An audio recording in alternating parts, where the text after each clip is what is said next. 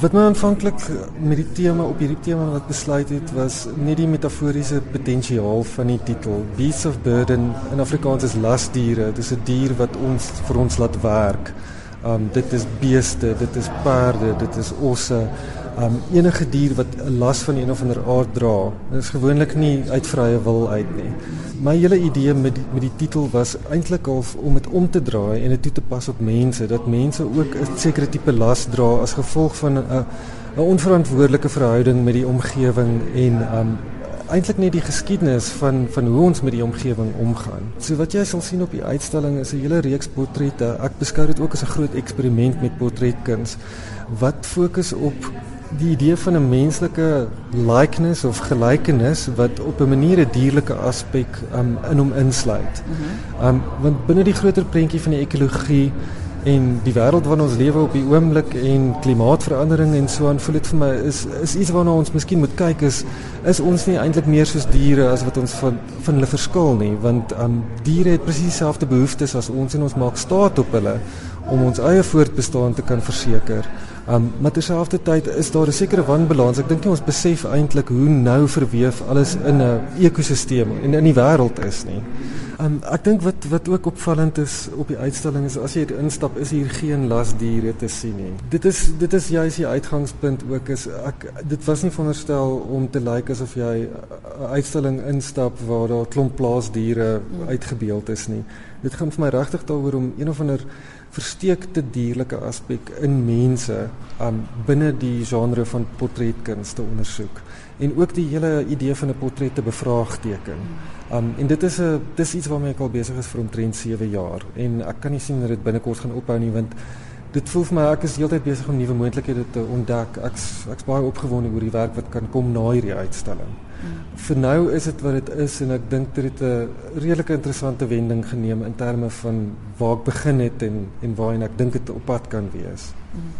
Hier's ook 'n interessante en ook groot verskeidenheid en dit is moeilik om oor alles te gesels want alles hou eintlik verband met mekaar. Dit begin als met hierdie groot skildery as mens instap. Oral waar mens kyk is dit al soort van segmente uit die groot skildery wat oorgedra is na na ander toe. Daar agter is is agt teen die muur. En, en maar interessant hierdie is is is op elkeen van die wit bladsye is daar twee figure, maar daar's ook teks betrokke. Maar as mens kyk is dit dis nie geskryfde teks nie. Verduidelik gou-gou van die teks wat jy geïnkorporeer het by jou uitstalling. Um, in hierdie spesifieke werk, dit is 'n teks van Plinius uh of Pliny the Elder. En dit is 'n 2000 jaar oue teks. Hy was 'n Romeinse skrywer, filosoof sal party mense hom noem. Hierdie spesifieke teks het eintlik gegaan oor kennis van die wêreld 2000 jaar gelede.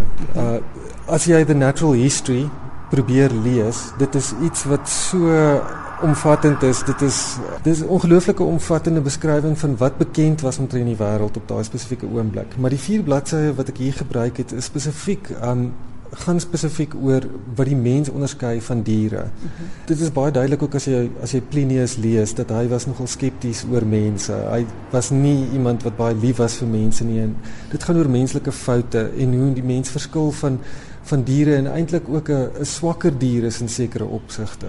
Want anders as ander diere byvoorbeeld noem hy in die teks is maak diere mekaar hulle maak nie hulle eie spesies dood dood nie. Dit is dit is iets wat eintlik nogal redelik uniek is van aan mense.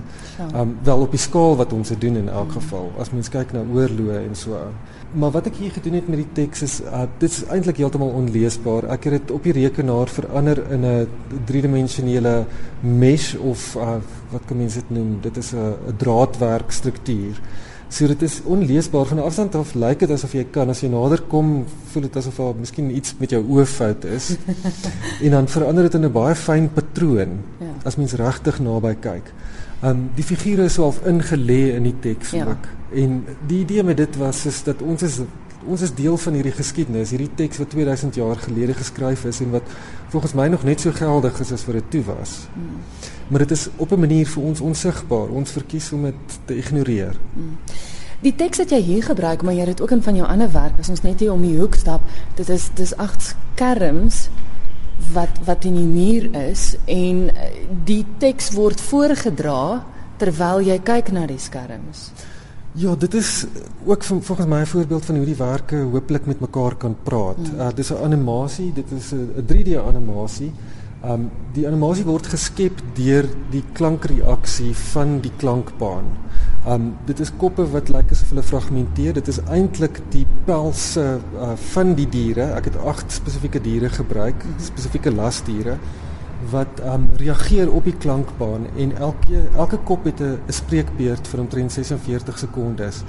En uh in totaal is die animasie omtrent 6 minute lank en um dit is die vier bladsye teks wat gebruik is in die vorige kunswerk ook wat op 'n manier gevisualiseer word wat anders is as as daai een. Um so die teks word op sekere maniere of verskillende maniere aangespreek in verskillende kunswerke. En reg oorkant dit is daar ook weer werk waar waar skilderwerk waar waar die portrette waar jy die pels ook gebruik het. Presies dit wat hier nou visueel voor jou oë gebeur is daar nou in in 'n portret. Ek het spesifiek hierdie opstelling gebruik want dit vir my gevoel, um jy kyk na stilbeelde aan die een kant en mm. bewegende beelde aan die ander kant, maar op 'n manier aktiveer hulle mekaar op 'n baie vreemde in 'n baie vreemde verhouding. Stilbeelde kan mens nou na kyk as iets wat dalk 'n lewe van sy eie kan hê en die die taal van skilderkuns is ook nou hierby betrokke. Ek bedoel daar's twee tipes taal wat hier hier, hier gebruik word. Daar's letterlike taal wat vir jou voorgelees word, maar ook die reaksie van die taal in die animasie. En dan wat jy oor kan dit sien is die statiese vorm daarvan, maar ook hoe dit geïnterpreteer word in verf. Want ek ek dink aan die skilderye nie as 'n akkurate naskildering van hierdie rekenaar gegenereerde beelde nie. Dit is volgens my meer 'n 'n skilderkunstige aanslag. Daar's daar's die verf doen ook sy eie ding. Dit is nie asof dit net beskryf wat in die verwysing was nie. Ek weet jy het aan die begin sê vir my jy wil nie prekerig voorkom nie, maar dit is so 'n belangrike tema en dis eintlik iets wat ons almal aanspreek. En ek weet jy het genoem toe ook dat ons almal is skuldig daaraan. Dit ja. dit is so diep gewortelde probleem en ek het aan jou genoem dat toe ek die persvrystelling lees het ek dadelik gedink aan Animal Farm. Die die diere wat probeer het om soos mense te wees, maar hier is dit eintlik mense wat weer meer moet probeer om soos diere te wees. Verstaan ek dit reg? Ja, dit is 'n baie interessante afleiding wat jy daar maak. Um ek voel die tema is vir my persoonlik baie belangrik, maar um selfs binne hierdie uitstalling voel dit vir my is daar ook 'n paar weersprekings want um soos byvoorbeeld die idee van om om die omgewing te bewaar. Ek bedoel skilderkuns is is ook nie die mees omgewingsvriendelike medium nie. Ek is net so skuldig soos enigiemand anders aan ek weet nie om aan besoedeling byvoorbeeld in daardie opsig. Hoekom sê so? Ek het nog nooit so daaraan gedink, hè? Ah, wel met met olieverf, ek bedoel mense werk maar met sekere oplosmiddels wat regtig nie omgewingsvriendelik is nie. Sekere van die pigmente is giftig, hoogs giftig. Oh, daar's cadmium byvoorbeeld in van die uh, van die pigmente. Dis nie iets wat jy naby jou mond moet bring nie, definitief nie. So en en dan terselfdertyd ook uh, ek bedoel ek gebruik elektrisiteit in die animasie. Ek bedoel die blote feit dat 'n mens bestaan is seker op 'n manier iets wat skadelik kan wees ten opsigte van die omgewing want mense gebruik al hierdie hulpbronne op. Mm. So um daar's 'n sekere tipe wanhoopigheid miskien in die uitstalling ook, maar dit voel vir my mens moet tog op 'n manier ook bewus word soos dat daar 'n sekere balans ge, uh, gehandhaaf moet word of dat ons moet mik vir 'n sekere tipe balans.